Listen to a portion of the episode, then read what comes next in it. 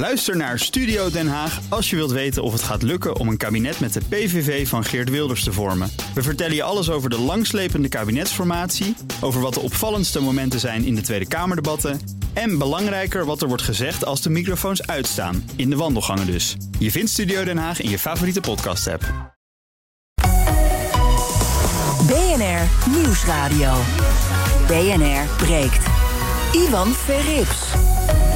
Goedemorgen en welkom bij de perfecte onderbreking van je werkdag en ook je werkweek. Vanaf half twaalf praat ik over de nieuwe voorzitter van de Tweede Kamer. Althans, uh, die uh, moet nog gekozen worden, maar daar gaan we het wel over hebben. En we bespreken de schrijnende gevallen bij het vaccineren. Er zijn ernstig zieke mensen die uh, wachten soms buiten bij GGD-locaties. Maar vaccins die overblijven, die gaan niet naar die mensen toe. Hoe kan dat? Wat gaat daar mis? Maar we gaan beginnen met het breekijzer. En vandaag in mijn panel Hielke Onning, voorzitter van het CDA. Goedemorgen. Goedemorgen. En Sonny Spek, politicoloog, raadslid voor Durf in Katwijk. Goedemorgen. Goedemorgen. Politiek paneltje weer, fijne stad. We beginnen met... BNR breekt. Breekijzer. En onze stelling luidt vandaag: mensen kunnen zelf geen gezonde keuzes maken. En dus moet de overheid dat maar doen. De Raad van uh, voor Volksgezondheid en Samenleving die vindt dat het uh, terugdringen van gezondheidsverschillen een wettelijke plicht moet worden. En dan gaat het dus over voeding, beweging, leefstijl. Maar ook over kwaliteit van wonen, over schulden, over eenzaamheid, onzekere arbeidsmarkt. Best wel breed. Allemaal dingen die gevolgen hebben voor onze gezondheid. Gaat het bijvoorbeeld over inkomenszekerheid? Mensen die schulden hebben, die hebben stress en die worden ziek van schulden. Als je in een slechte leefomgeving leeft met uh, huizen met schimmels, met veel fijnstof, dan word je ziek. We moeten eigenlijk veel meer aan die preventieve kant, echt de volksgezondheidskant uh, doen, in plaats van alleen zorgen dat we de zorg betalen als iemand al ziek is. Ja, dat zei Jet Bussemaker. Zij is uh, voorzitter van die Raad voor Volksgezondheid en Samenleving. Ja, mensen die kunnen die gezonde keuzes misschien zelf niet maken. Misschien omdat we daar de, ja, de hulpmiddelen niet voor hebben, of willen we het niet, of vinden we het te ingewikkeld. Uh, moet de overheid inderdaad snackbars rondom scholen weren... en moeten dikke mensen voortaan verplicht sla eten? Wat vind jij? Moet de overheid ingrijpen en de controle pakken? Of zeg je, gezondheid is een individuele keuze... en laat dat lekker aan mensen zelf over? Bel nu om te reageren 020 468 4 keer 0 Ik zie dat uh, Peter, Paul en mevrouw Prinsten dat al gedaan hebben. Uh, je praat zo meteen mee in de uitzending 020 468 4 keer 0 En het breekijzer waar je op kunt reageren is dus... mensen kunnen zelf geen gezonde keuzes maken... en dus moet de overheid dat maar doen. Um, we hebben even naast te denken, wie moeten we hier nou over uh, uitnodigen over dit onderwerp? Misschien Wouter Bloemkoolmees of uh, Ankie Broekers-Knolraap of Wopke Hoeksla... of iemand van Groente Links of van Sla 21, Lilian Mandarijnissen... Tamara van Kwark, Slank Bijleveld. Maar het is geworden Jaap Seidel, hoogleraar Voeding en Gezondheid... aan de VU Amsterdam. Goedemorgen, Jaap. Ja, goedemorgen. Um, deze oproep van de Raad voor Volksgezondheid... die steun jij vast van harte, denk ik zomaar. Ja, maar ik zou het anders formuleren. Hè. In die raad wordt ook niet, of door die raad wordt ook niet gezegd dat, dat mensen geen gezonde keuzes kunnen maken en dat de overheid dat voor je moet doen. Maar veel meer dat de overheid eigenlijk moet helpen om mensen die gezonde keuzes te kunnen laten maken. Mhm. En uh, wat we nu zien, en wij hebben daar ook onderzoek naar gedaan, is dat het overgrote uh, aanbod uh, is ongezond. Hè? Dat, dat geldt voor de supermarkten, geldt ook voor de schoolkantines, geldt voor al. En ja, het gezondere alternatief is vaak veel duurder. En onaantrekkelijker. En er is minder marketing van, het is minder vaak in de aanbieding. Mm -hmm. En dat uh, stimuleert natuurlijk eigenlijk dat wanneer je weinig geld hebt en uh, bijvoorbeeld ook gestrest bent of wat dan ook, uh, dan ga je voor de, ja, de ongezondere, gemakkelijke en goedkopere keuze. Ja, want hoe groot zijn de, de verschillen tussen, tussen laag en hoog opgeleid? Ik zag in een artikel in de Volkskrant vanochtend, geloof ik, dat laag opgeleide Nederlanders zes jaar eerder doodgaan dan hoog opgeleide mensen. En die, dat die ook vijftien jaar minder in goede gezondheid leven. Dat zijn echt schokkende cijfers. Ja, dus dat betekent eigenlijk dat uh, hoogopgeleide mensen of mensen met een theoretische opleiding en een hoog inkomen, want dat is het in feite, dat die pas op hun zeventigste of daarna uh, chronische ziekte krijgen. En dat mensen met minder opleiding en minder inkomen al op hun vijftigste dat krijgen. Ja. In de vijftig. Uh, en dat zijn grote verschillen. En dat betekent in feite dat dat de samenleving ook heel veel geld kost. Hè, naast dat het heel veel ellende veroorzaakt. Ja. Uh, ik wil zo meteen met je verder praten over voeding. Dat is natuurlijk jouw specialiteit en hoe groot ook de rol van voeding is in dit. Want ja, die raad zegt dus het is een veel breder probleem. Eerst even een rondje in de studio. En luisteraars die kunnen dus reageren.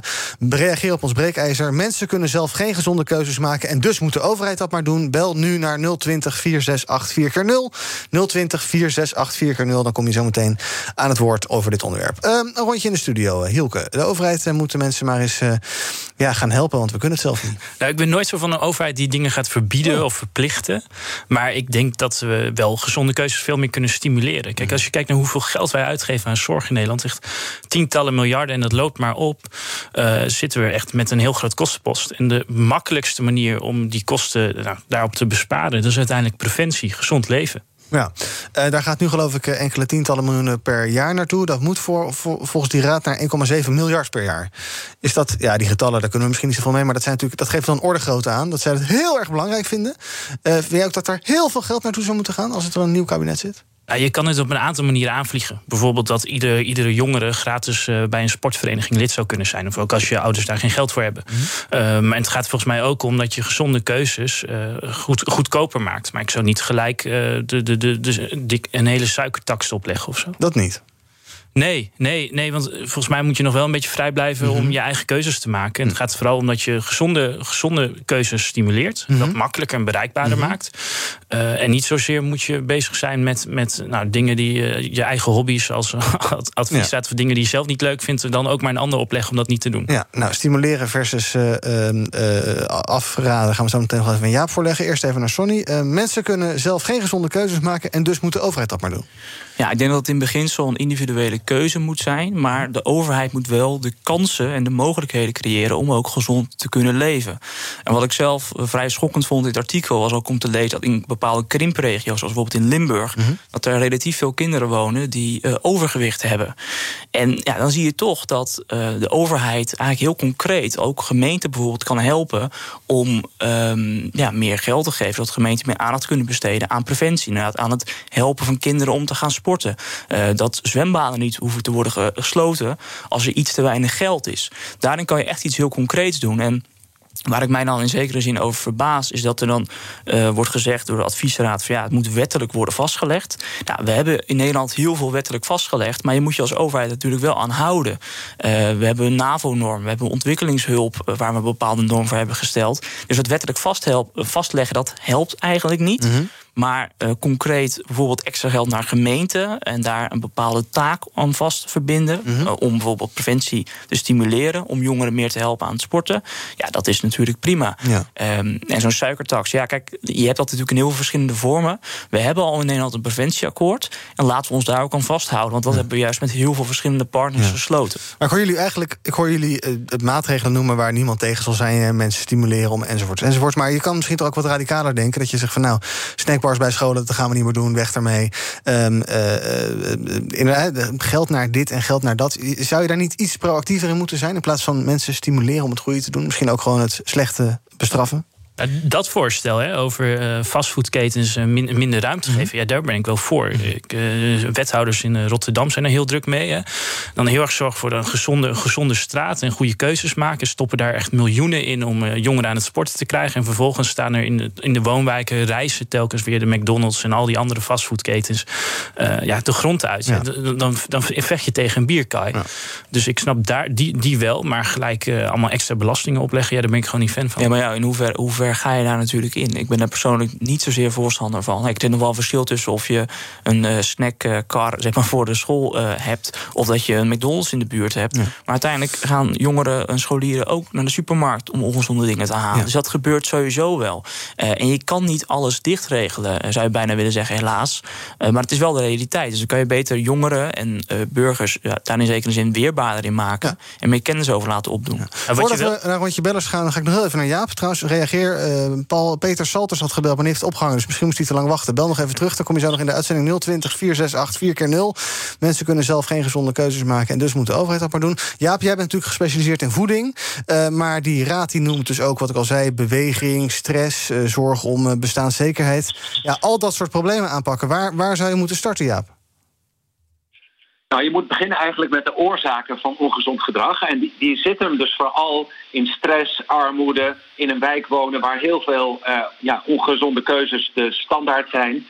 Uh, en uh, die veroorzaken eigenlijk al die problemen. Hè. Die veroorzaken ook bewegingsarmoede, die veroorzaken ook ongezonde voedselkeuzes. Die veroorzaken eigenlijk ook dat mensen meer gaan drinken en meer roken. En, en ja, dat clustert allemaal een beetje bij elkaar. Dus die achterliggende meer sociale en economische oorzaken van ongezond gedrag, daar zou je mee moeten beginnen.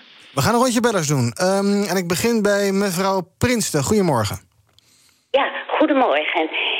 Ik heb uh, de stelling dat de overheid meer moet doen. En dat kan door middel van lessen aan de kinderen, jonge kinderen op de basisschool. Daarmee te starten. Hoeft de onderwijzer niet te doen, maar dat kan iemand die gespecialiseerd is in voeding.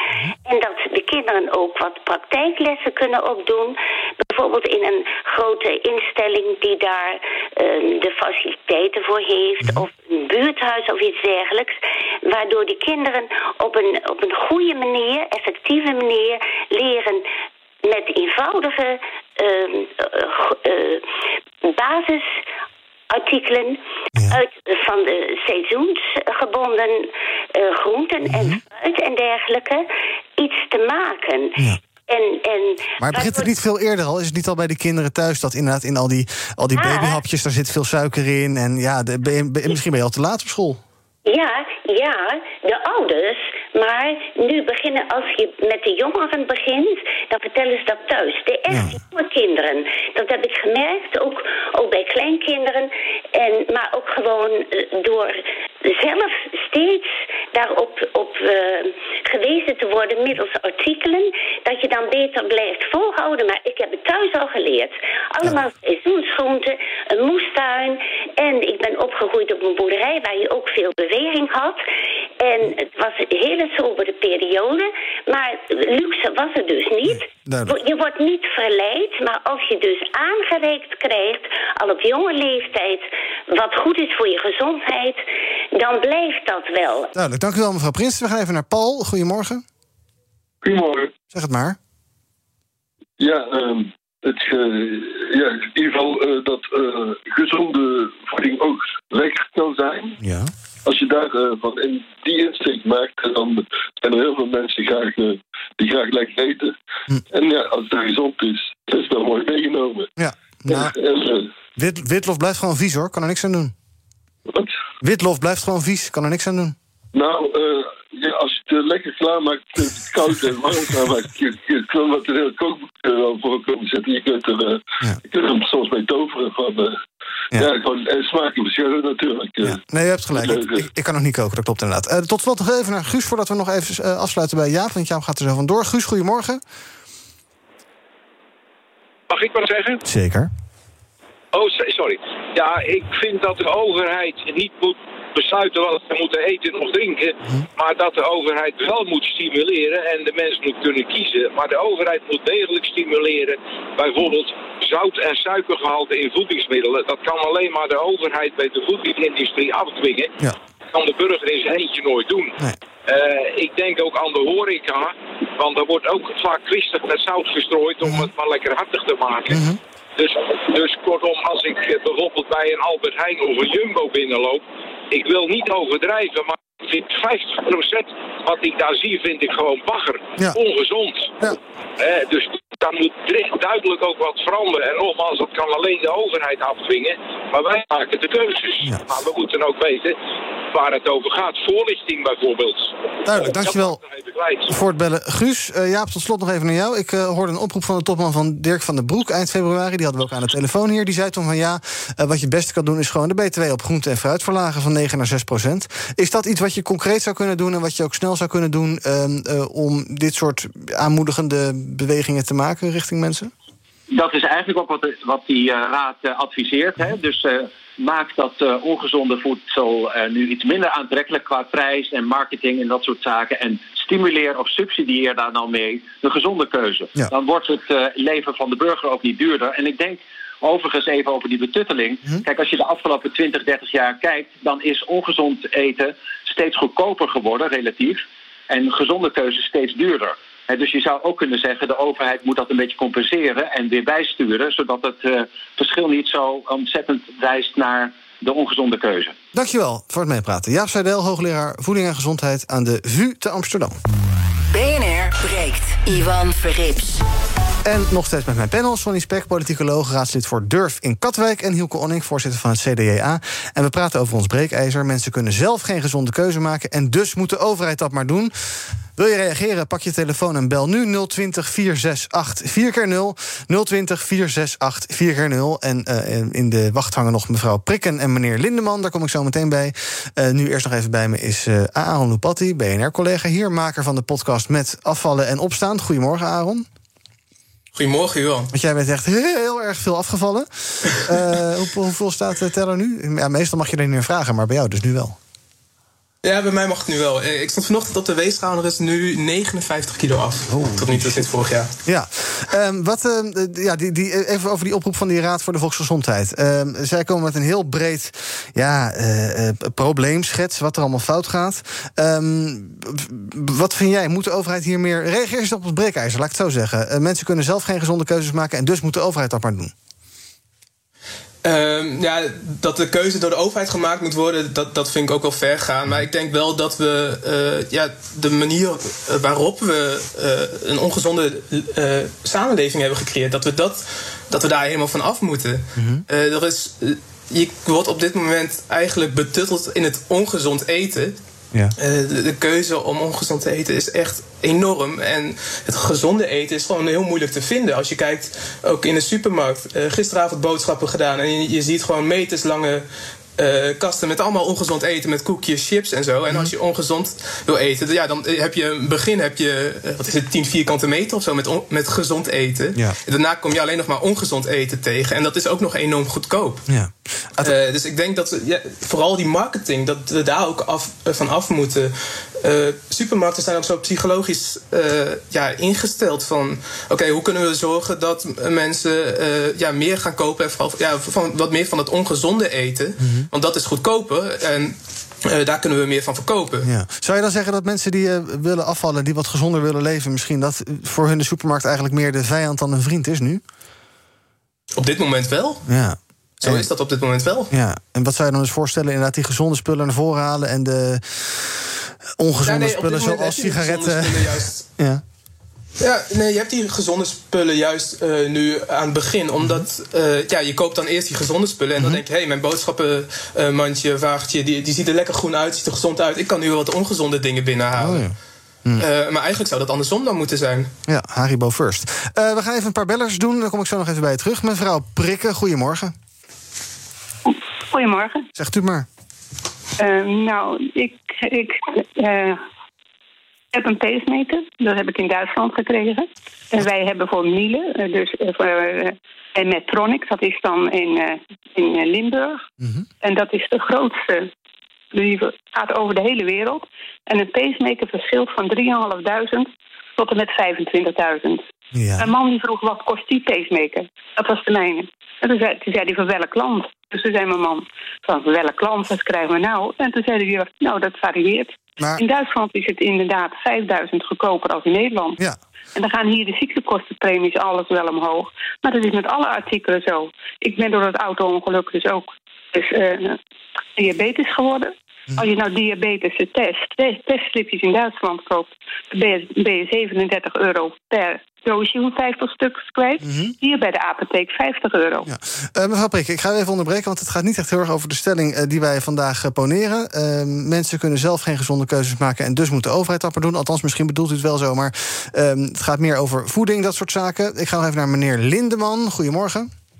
Goeiedag. Zeg het maar.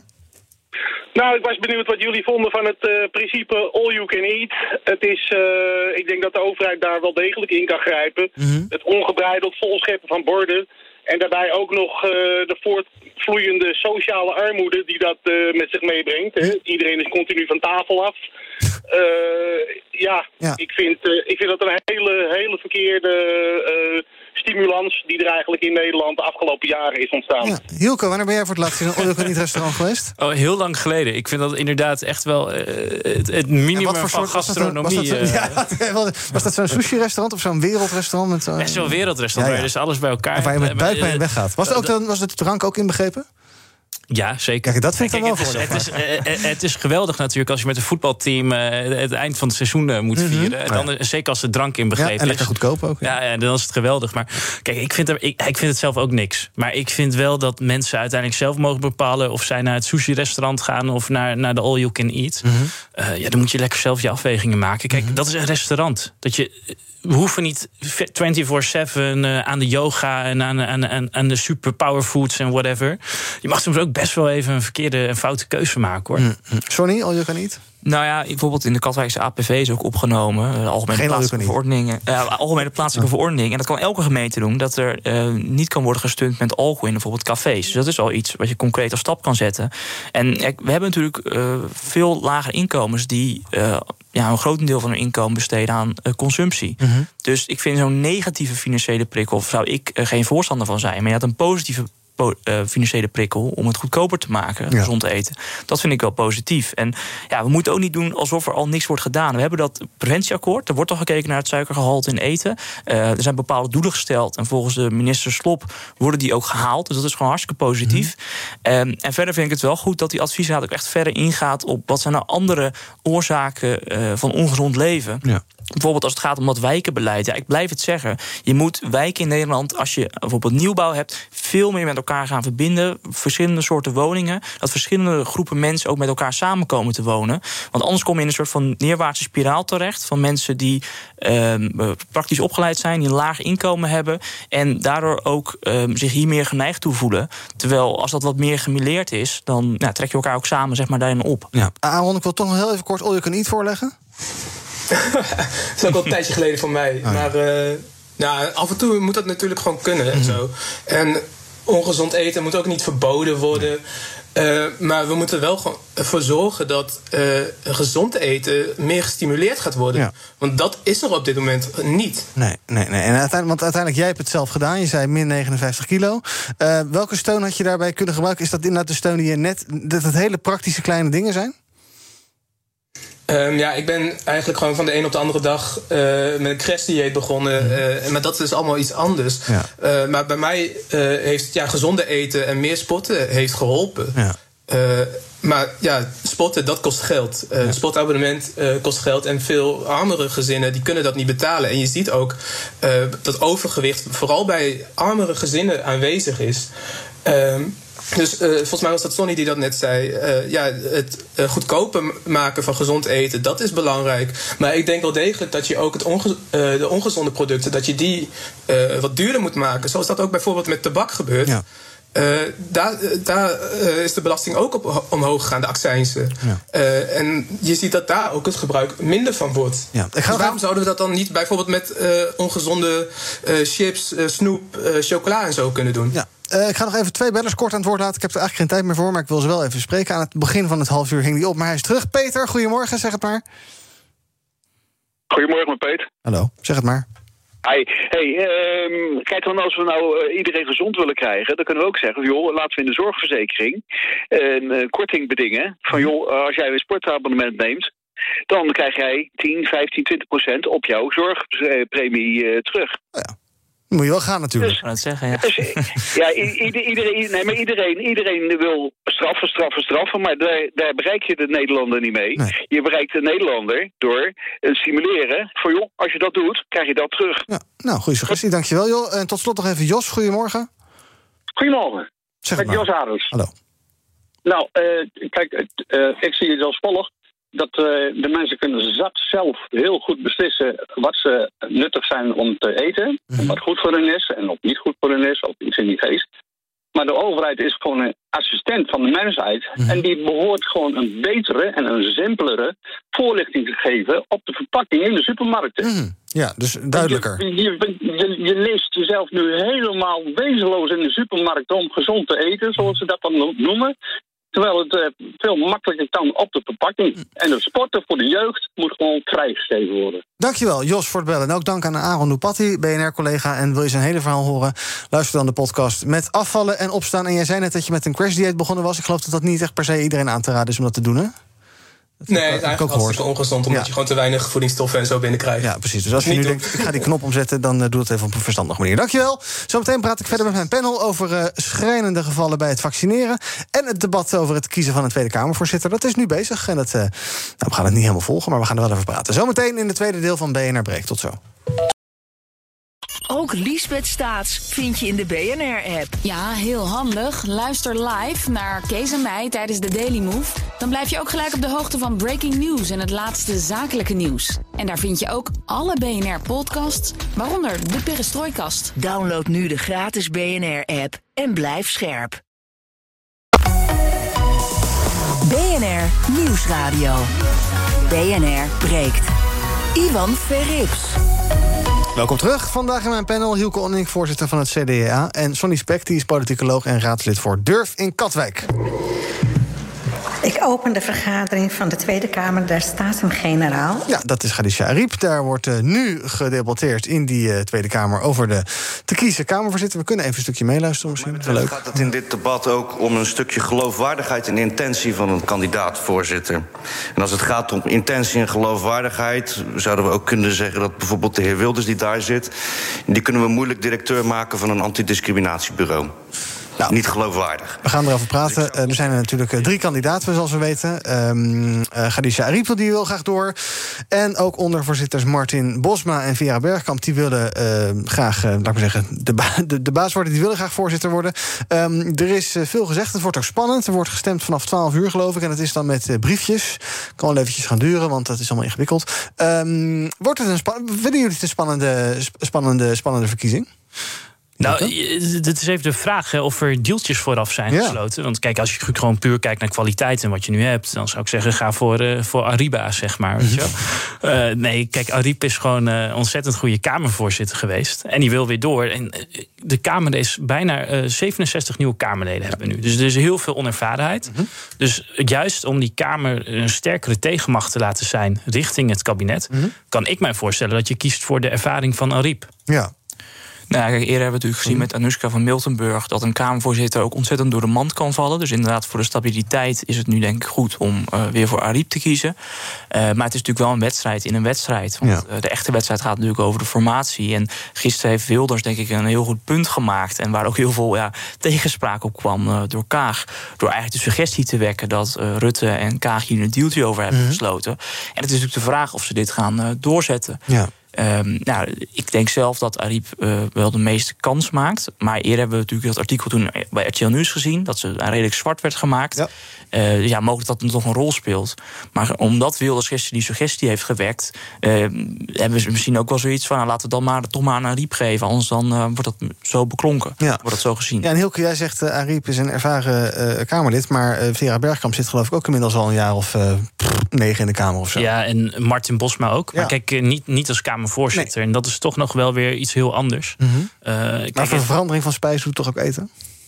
Ja, maar ik zou wel gaan voor stabiliteit en voor zekerheid. Zeker in het, het precaire waar, waar de Kamer nu in zit. Met eh, eigenlijk wel gebrek aan tegenmacht. En ik denk dat met Ariep je iemand hebt die de Kamer veel sterker kan positioneren. En veel beter het spelletje daar ook al in begrijpt als Kamervoorzitter. Ja. Vond het wel grappig. Jij zei, eh, dan kan de Kamer zijn, zijn rol als tegenmacht kan dan goed eh, ver- vervullen.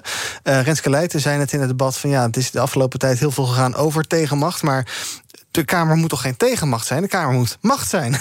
De Kamer is, de Kamer is het, hoogste, het, het, het, ho- het hoogst haalbare als het gaat om democratie. Je, je hebt daar een, ja, een stevige voorzitter nodig. Ja, ja, nou kijk, het is wel wat genuanceerder. Want zowel het kabinet kan met wetten komen en moet ook gecontroleerd worden, want ze besturen. Maar uiteindelijk is ja, de, de democratie, de Tweede Kamer, die bepaalt. Nou, ook, ook daarin hè, kan je dus een sterkere macht zijn, inderdaad. En laten we wel zeggen, Ariep heeft natuurlijk de laatste jaren wel. Ariba. ervoor- ja, heeft ervoor gezorgd dat de Kamer in die positie ook eh, is gekomen. Bijvoorbeeld met de toeslagenaffaire heeft ze dat best wel ehm, ja, bevorderd. Mhm. En heeft bijvoorbeeld ook de, daar was juist de kritiek over bij, op het artikel eh, bij RTL Nieuws. Dat ze de PVV eh, te veel ruimte heeft gegeven. Ja, dat is natuurlijk best wel opvallend. Want het is gewoon een oppositiepartij en die verdienen dat ook. Eh, dus in die zin heeft ze het goed gedaan. Laten we even in Den Haag kijken. Onze politiek verslaggever Sofie van Leeuwen deed een rondje bij een aantal Kamerleden. Ja, Bosma. Martin Bosma. Nou, hij is bijna gepromoveerd, net als ik. eh, dus bijna afgestudeerd, zeg maar. Nou, toch een ontwikkeld man als eh, Kamervoorzitter. Dat is ook wel eens leuk. Op wie ik ga stemmen? Eh, ja, weet je, ik moet daar nog naar kijken. Ik heb me daar eerlijk gezegd ook nog helemaal niet mee bezig gehouden... omdat we in deze toestand zitten. Ik doe een opiniepeiling. Weet u al op wie u gaat stemmen morgen? Ariep, we hebben D66 natuurlijk. En eh, Bosma van de PVV. Ja, we gaan wat eh, vragen afvuren. En eh, ik vind het ook wel belangrijk. Gewoon eens luisteren naar de antwoorden. Wat, wat ga je precies doen? Waarom? Wat ga je anders doen? Wat vind je belangrijk? Wat zijn de accenten nu? Zeker wat we allemaal hebben meegemaakt natuurlijk over de afgelopen weken. Dus, dus goed even aan de tand voelen. Eh, goed toezien op eh, kwaliteit van wetgeving. Dat hebben we geleerd van de toeslagenaffaire. Eh goede verhouding tussen kleinere en grotere fracties. Dat vind ik eh, van belang. Oppositie, coalitie. Dus dat zijn allemaal belangrijke elementen. Ja, ik weet niet. Ik sta steeds voor verrassingen hier. Nee, ik weet het niet. Ik, de- ik weet in ieder geval één ding... dat in dit huis je nooit iets zeker weet. Filosofisch. Worden Baudet, Van der Plas, Eermans, Segers en...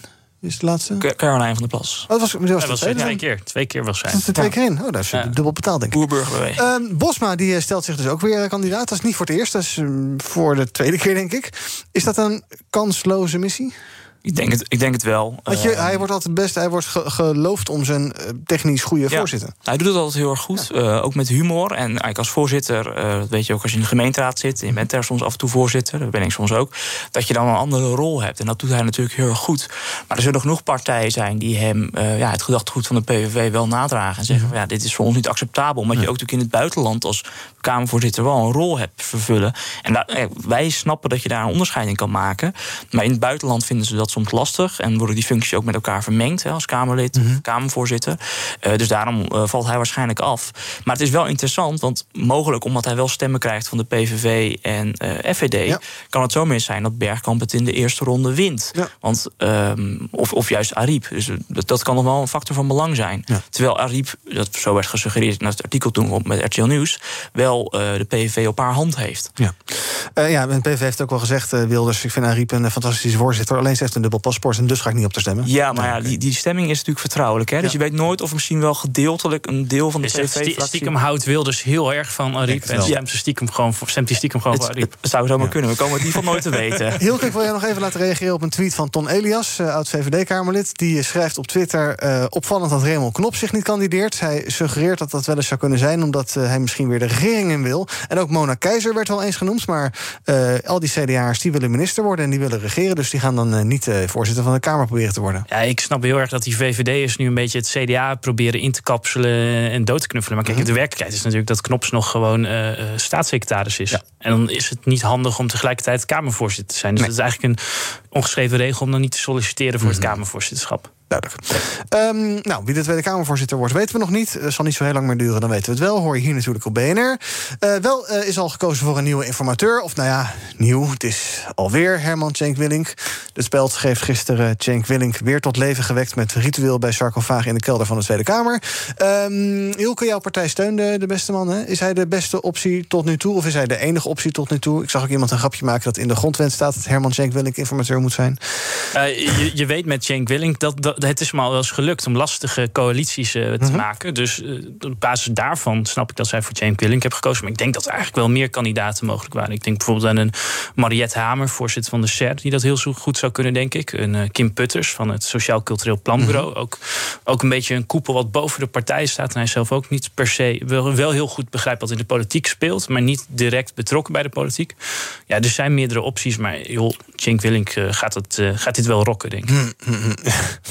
ja, ik moest zelf, ik moest zelf nadenken aan vorige week... toen in Egypte die optocht was met die mummies. Mm Dan kwamen ze weer aanrijden. Ja, daar, Dus, daar is hij tot leven gewekt, Ja, Cenk precies. Willink. Dat, Ja. nou, dat is natuurlijk een beetje flauw. Je moet er ook respect voor hebben dat hij het weer wil gaan doen. Want het is een lastige klus.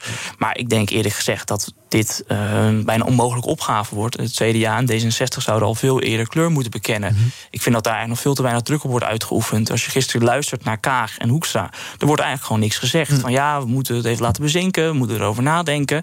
Terwijl iedereen, iedere democraat... zou een keiharde normerende en morele grens moeten trekken... als er gewoon keihard wordt gelogen in de Tweede Kamer. En ja, ik merk bij mezelf dat er die donderdag echt iets is geknapt. Ik vond het ongelooflijk dat iemand op die manier daar zo mee wegkomt. En, en het, ja, het, het vervaagt de grens van wat we acceptabel vinden in een, in een democratie. Van Ja, hoe- hoeveel leugens kan een democratie verdragen? En ik vind echt dat daar nu de komende week zo snel mogelijk eh, nou, duidelijkheid over moet komen. Want ik vind dat het CDA daar gewoon niet duidelijk genoeg over is. Wat vind je nou wel of niet acceptabel? Ehm, en ik dacht altijd dat, dat het CDA de partij was van de rechtsstatelijkheid. Ehm, nou, ik heb vroeger bij eh, Forum voor Democratie gezeten. Ik ben er toen weggegaan omdat ik een bepaalde norm eh, belangrijk vond. En daar ging, daar ging men overheen. Nou, dan zei ik van, ik trek mijn conclusie. Nou, nu zie je dat eh, premier Rutte eh, eigenlijk het dualisme schendt... de scheiding der machten schendt... zelfs de grondwet heeft overtreden... door een Kamerlid eh, informatie eh, niet eh, te voorzien... of niet te voorzien van informatie. Ehm, en dan zie je dat hij daar eigenlijk weer mee wegkomt langzamerhand. En dan vraag ik me af, waar leg je dan die grens? En ik vind het eigenlijk vrij schokkend... dat die niet duidelijk wordt gesteld. Hielke, eh Sonny zegt, jouw moederpartij, het CDA, moet duidelijk een grens trekken. Ja, grotendeels eens. Eh, ik heb ook echt met afschuw gekeken naar dat debat. En juist zo'n partij als CDA, wat, wat eigenlijk deze hele problematiek met Pieter Omzicht heeft geagendeerd, daar ook vijf zetels mee heeft gewonnen. Het, eh, de rechtsstatelijkheid, macht en tegenmacht, de relatie tussen Kamer en eh, kabinet. Ja, ik zie het als heel ongeloofwaardig als je als CDA nu straks met, met Mark Rutte in een kabinet zou stappen. Ze moeten een streep trekken. Ik vind dat Segers bijvoorbeeld dat wel heel goed heeft gedaan. Nou, kijk, ik vind een tweede. Het CDA heeft aan, aan de voorkant natuurlijk al gezegd van... ja, wij zijn helemaal niet aan zet. Dus dan snap ik ook wel dat je met, met deze positionele bezetting... nu even niet gaat bemoeien. Eh, het is een beetje, ik hoor Sonny wel eens ook over het CDA op de radio praten... en zegt hij, nou, het CDA moet deze koers op deze, deze kant op... en vervolgens zou het CDA dat doen... en stemt Sonny nog steeds niet op het CDA. dat is een beetje hetzelfde Nou, met dit. Stel, wij zeggen nu Rutte moet weg... en vervolgens zeggen we tegen de VVD... ja, maar nou, super goed geregeld... maar we stappen nog steeds niet met jullie in een kabinet. Dus dan moet je daar ook even weg bij blijven. Nee, maar wat het CDA natuurlijk doet, is tijd winnen. Want iedereen weet dat Rutte gebaat is bij tijd. Hoe langer dit gaat duren, hoe meer het wegcijpelt. En over twee weken zeggen mensen, ook in Nederland, van... ja, waarom moet Rutte eigenlijk weg? Het is toch best wel een prima man. En niemand begrijpt dan meer dat dit gaat over het fundamentele eh, ja, dualisme... wat we in Nederland hebben en, en die scheiding der machten. En dat een premier zich niet moet bemoeien met de positie van een Kamerlid. Dat is vrij fundamenteel. En kijk, het CDA zegt wel, we zijn niet aan zet. Je kan ook zeggen, we zijn niet aan zet en we willen niet met Mark Rutte. De ChristenUnie doet dat in zekere zin ook. Die trekken een morele streep. Ja, ik vind dat heel erg eh, bewonderingswaardig. En het is ook terecht. Ja, en ik, ik denk dat het CDA gewoon niet in, haar kaart wil laten kijken. Dat begrijp ik wel. Maar het is ergens ook vervelend. Omdat het vertrouwen in de democratie in Nederland... brokkelt op deze manier echt af... als mensen zien dat iemand daarmee weg kan komen. Ehm, tot slot nog even heel kort over Cenk Willink. Wat je altijd dan hoort is, oh, hij is 79. Oh, is dat nog een probleem? Nou ja, het is natuurlijk wel zo dat we bijna weinig mensen hebben in Nederland die een bepaalde autoriteit hebben en wat jonger zijn om dit naar voren te brengen. Net had Hielke een paar goede namen. Maar voor de rest is het toch wel schrijnend dat eigenlijk iemand die daar heel lang in mee heeft gelopen, die misschien ook wel onderdeel is van die bestuurscultuur, dat hij dat dan ook weer moet gaan oplossen. Ja. En eh, het is ook wel mooi als een keer naar buiten wordt gekeken, dat de ramen op het binnenhof worden opengezet. En dat bijvoorbeeld een Kim Putters, die natuurlijk ook wat langer meeloopt, maar er wel wat meer afstand heeft gehouden, ehm, ja, dat zou kunnen vlot Ja. BNR breekt. Zometeen om 12 uur dan is eh, Thomas van Zel op deze radiozender te horen... waar u nu naar luistert. En dan presenteert hij het programma BNR Zaken doen. En eh, wie heb jij daarin te gast en waar ga je over praten? Mijn eerste gast is As Tempelman. Hij is de topman van Eneco. En Eneco presenteerde de jaarcijfers. Het is een warm jaar geweest. Er waren minder mensen op kantoor. Dus er is ook weinig energieverbruik geweest. En je kunt zeggen, nou, dat is dan eh, de belangrijkste stap op weg naar duurzaamheid. Maar ondertussen moet er natuurlijk ook nog wel iets verdiend worden. Dus over die spagaat gaan we het zeker hebben. Op de kop van de uitzending overigens eh, een eh, topman, een directeur van T-Mobile. Want die gaan zich mengen in de strijd om een glasvezel aanleg. Hè, samen met KPN. Of althans niet samen met KPN. KPN nam het, het voortouw. En T-Mobile zegt nu nee, wij gaan jullie proberen in te halen. We gaan zeker ook nog marktaandeel afsnoepen. Dus waar die race toe leidt, dat hoop ik uh, voor je te kunnen achterhalen. Kees de Kort is er, het lobbypanel is er... en de directeur van het Prins Bernhard Cultuurfonds. Ze zijn ook betrokken bij het uh, Kickstart Cultuurfonds... om ervoor te zorgen dat uh, culturele instellingen die niet gesubsidieerd worden... en die ook niet in aanmerking kwamen voor eerdere steunpakketten... toch nog het hoofd boven water kunnen houden. Dat en meer in BNR Zaken doen. Luisteren dus is mijn warme aanbeveling. Vanaf 12 uur op deze zender. BNR breekt. We gaan nog even wat uh, nieuws doornemen van vandaag. Um, uit artikelen in gisteren in Trouw, vandaag in de Volkskrant... blijkt dat uh, vaccinatielocaties in Nederland... dat zich daar dagelijks een soort van wanhopige mensen melden. Dat zijn dan mensen met achterliggend lijden, patiënten zou je misschien kunnen zeggen... die GGD-medewerkers smeken om een vaccin. En dat is dan tevergeefs, want het ministerie van Volksgezondheid, Welzijn en Sport... heeft bepaald dat vaccins die overblijven bij die GGD's... naar personeel van de GGD's gaat in de vaccinatiestraten. Maar daar is inmiddels praktisch iedereen ingeënt. En daardoor is inmiddels ook maar uh, uitgeweken naar medewerkers uit teststraten. Dus die krijgen ook al die vaccins. En ik geloof bijvoorbeeld inmiddels ook al kantoorpersoneels van GGD's. Uh, terwijl er allerlei mensen die kwetsbaar zijn. Er zitten echt schijnende verhalen bij van mensen die zeggen: Ja, ik heb niet meer zo lang te leven. Ik wil die tijd dan wel nog graag een beetje fatsoenlijk kunnen doormaken. En misschien weer naar buiten kunnen. Um, en die mensen staan dus letterlijk in de rij bij GGD-locaties. Um, wat gaat hier mis, uh, Sonny? Hoe, hoe kan dit? En dat je een teststraatmedewerker, iemand een, een gezonde dertiger of veertiger, ja, boven een zeg maar terminale kankerpatiënt zo'n zo'n zo'n vaccin geeft, dat kan toch niet de bedoeling zijn?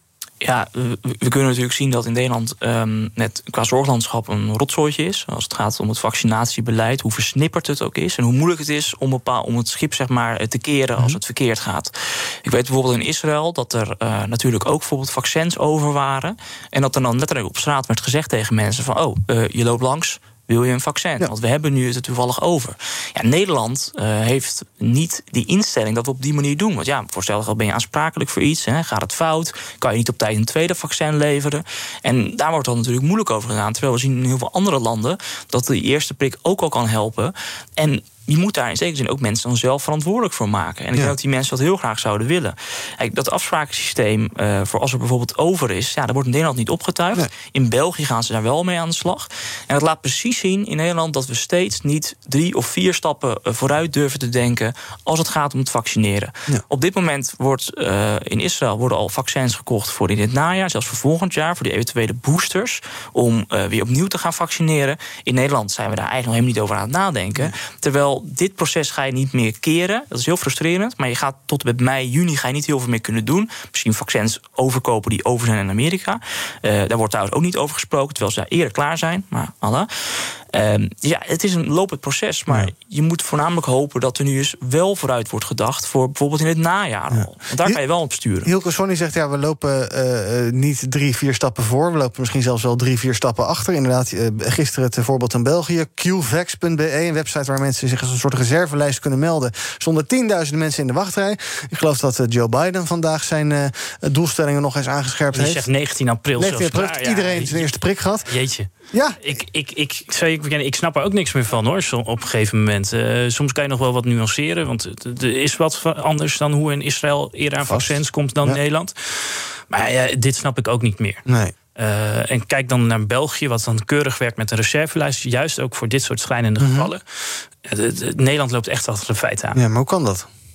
Nou, een van de dingen is de, de versnippering. Kijk, en wat je dus nu gewoon ziet, is dat de GGD's, hè, ik denk dat, dat, zijn hele, dat zijn hele normale, capabele mensen die zo snel mogelijk iedereen wil vaccineren. Mm -hmm. Die mensen die daar prikken.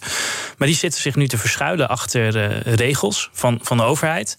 Ja, en, en daar gaat wat in de, in, in, de match mis. Dat mensen denken van je moet achter regeltjes verschuilen. Ja. En volgens heeft, uh, hebben ze bij het VBS hebben ze het niet door wat er allemaal aan de hand is.